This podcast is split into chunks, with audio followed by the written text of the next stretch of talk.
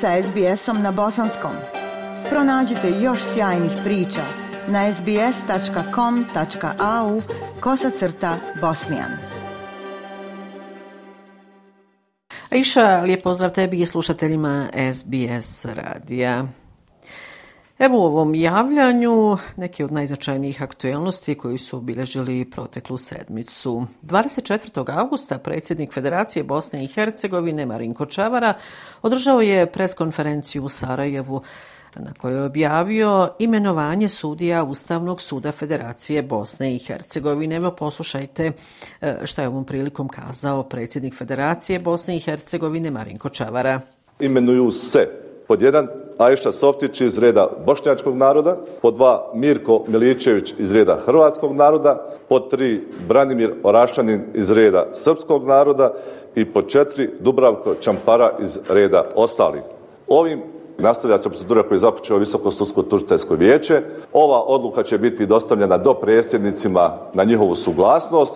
Kad oni daju suglasnost, poslaću je u Dom naroda na potvrđivanje i kad Dom naroda potvrdi ovu odluku o imenovanju, imat ćemo popunjen Ustavni sud u potpunosti. Očekujem potpor i od podpredsjednika i Doma naroda. Sukladno Ustavu Federacije Bosne i Hercegovine, predsjednik Federacije imenuje sudce Ustavnog suda, podpredsjednici Federacije su nadležni da daju ili ne daju suglasnost na imenovanje koje je dao predsjednik.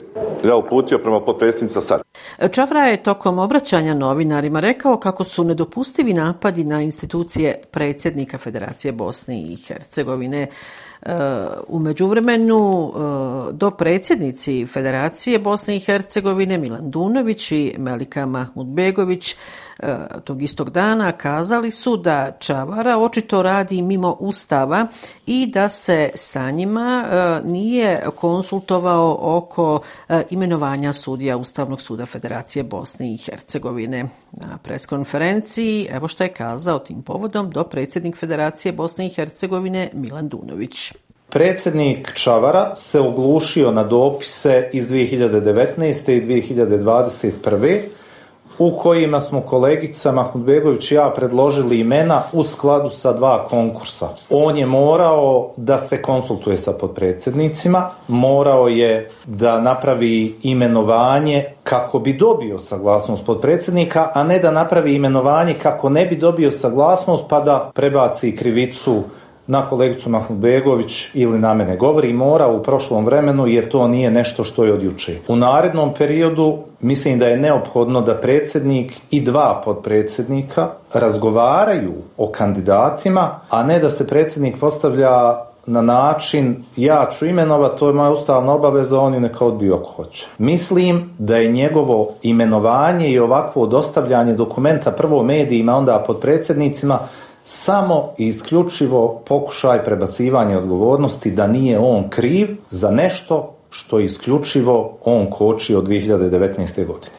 A iša podsjetiću, Ustavni sud Federacije Bosne i Hercegovine je već godinama nepopunjen jer je od ukupno devetero u sudu trenutno samo petero sudija. Zbog nepopunjenosti suda u blokadi je i njegovo vijeće za zaštitu vitalnog interesa. E, tokom protekle sedmice, tačnije 24. augusta, održana je sjednica predsjedništva Bosne i Hercegovine. Nakon sjednice, E, član predsjedništva Milorad Dodik obratio se novinarima na preskonferenciji u Lukavici. On je ovom prilikom kazao kako će srpski predstavnici na nivou Bosne i Hercegovine blokirati sve projekte u Federaciji Bosne i Hercegovine dok se ne omogući realizacija projekata za Republiku Srpsku. Nije mi drago, ali tako moram da radim zbog patološkog odnosa druga dva člana predsjedništva Bosne i Hercegovine prema razvojnim projektima u Republici Srpskoj, kazao je ovom prilikom Milorad Dodik. E, on je izjavio i da je predložio zaključak da se podnese krivična prijava protiv visokog predstavnika Međunarodne zajednice u Bosni i Hercegovini Kristijana Šmita. E, Dodik je kazao kako se Šmit ponaša antipravno i antiustavno. Ovaj zaključak nije usvojen na sjednici predsjedništva Bosne i Hercegovine, tačnije nisu ga usvojila e, dvojica ostalih članova predsjedništva Bosne i Hercegovine. Hercegovine. Simbol grada i jedan od najreprezentativnijih objekata iz austro-ugarskog perioda, Sarajevska vijećnica u kojoj je bila smještena i nacionalna i univerzitetska biblioteka Bosne i Hercegovine, tokom opsade glavnog grada Bosne i Hercegovine u noći sa 25. na 26. avgust 1992. godine je zapaljena.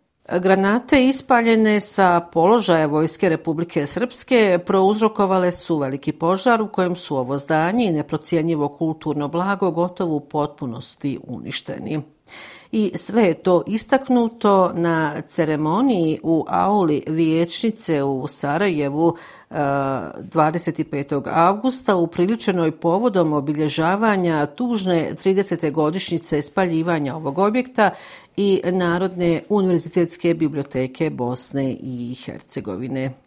Sve ovo istaknuto e, 25. Augusta na ceremoniji u auli Vječnice, upriličenoj povodom obilježavanja tužne 30. godišnjice spaljivanja ovog objekta i Nacionalne univerzitetske biblioteke Bosne i Hercegovine. Ovo obilježavanje tužne godišnjice popraćeno je brojnim i raznovrsnim sadržajima, uključujući projekciju videomaterijala o spaljivanju Nacionalne univerzitetske biblioteke Bosne i Hercegovine u Vječnici te svjedočenja očevidaca. A iša, jedan od očevidaca je e, bio vatrogasac i evo poslušajte šta je kazao Omer Šetić, dakle rekoh jedan od očevidaca, a tada vatrogasac koji je pomagao u gašenju požara u vječnici. Dakle, Omer Šetić. Svaki požar, to znači sve zavisi ovaj šta gori ima specifičan ovaj miris knjige opet imaju svoj poseban ovaj miris. Šta je interesantno, recimo bilo ovdje što su ova knjige, odnosno listovi, lepršali po nekoliko kilometara odavde, tako da su neki građani mogu da nađu u svojim avlijama listovi, znači dok je to doprijelo i oni su nažalost mogli da osjeti miris ovaj tih knjiga. A iša, stanje je već odavno alarmantno i Bosna i Hercegovina je prva po smanjenju broja stanovnika u svijetu.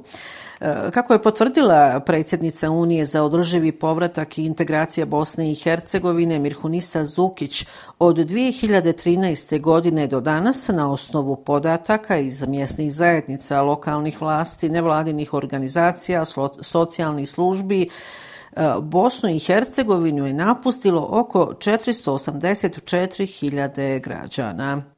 Imamo obrađene podatke za neka područja i stanje i dalje vrlo alarmantno, riječi su Mirhunise Zokić. Radi se o općinama Ođak, Domaljevac Šamac, Modrića, Derventa, Bosanski brod, Ljubuški, Široki brijeg, Grude i Posušje. U ovim općinama zabilježeno je da je otišlo blizu 15.800 osoba u 2022. godini. E, to je gazala Mirhunisa Zukić, predsjednica Unije za održivi povratak i integracije Bosne i Hercegovine. Inače, prema grafičkom prikazu agencije Pixel, Bosna i Hercegovina se nalazi e, prva na ovoj neslavnoj listi zemalja sa najvećim smanjenjem broja stanovnika. I još malo statistike Aisha, dok radno sposobni odlaze iz Bosne i Hercegovine u potrazi za boljim uvjetima, Upravo našoj državi nedostaje radne snage. Prema procjenama, Bosni i Hercegovine je potrebno oko 30.000 radnika. Procedure nisu usklađene, pa je tako za uvoz radnika u Republici Srpskoj potrebno najduže mjesec, dok taj proces u Federaciji Bosne i Hercegovine može potrajati i do godinu. Zbog toga radnici u Bosni i Hercegovini dolaze na crno ili preko entiteta Republika Srpska. Prema preliminarnim statističkim podacima turističke zajednice, za vrijeme održavanja Sarajevo Film Festivala Sarajevo posjetilo više od 25.000 ljudi iz inostranstva. Tačnije, 25.544, a ostvareno je 57.070 noćenja. Inače, broj posjetilaca i noćenja konstantno je u uzlaznoj putanji u odnosu na prošlu godinu, a posebno je osjetan statistički rast tokom Sarajevo Film Festivala. Pohvalna je činjenica da se prema dosadašnjim podacima statistička slika konstantno popravlja i da bi ovo mogla biti rekordna godina kada je u pitanju oporavak turizma u odnosu na protekle dvije godine, eh, dakle kada je već bila pandemija koronavirusa. Eto, ovom, rekla bih ipak optimističnom informacijom, završavam ovo sedmično javljanje iz glavnog grada Bosne i Hercegovine. Još jednom lijep pozdrav tebi Aisha i slušateljima SBS radija od eh, Semre Duranović-Koso, dopisnice iz Sarajeva. Like, share, comment. Pratite SBS Bosnian na Facebooku.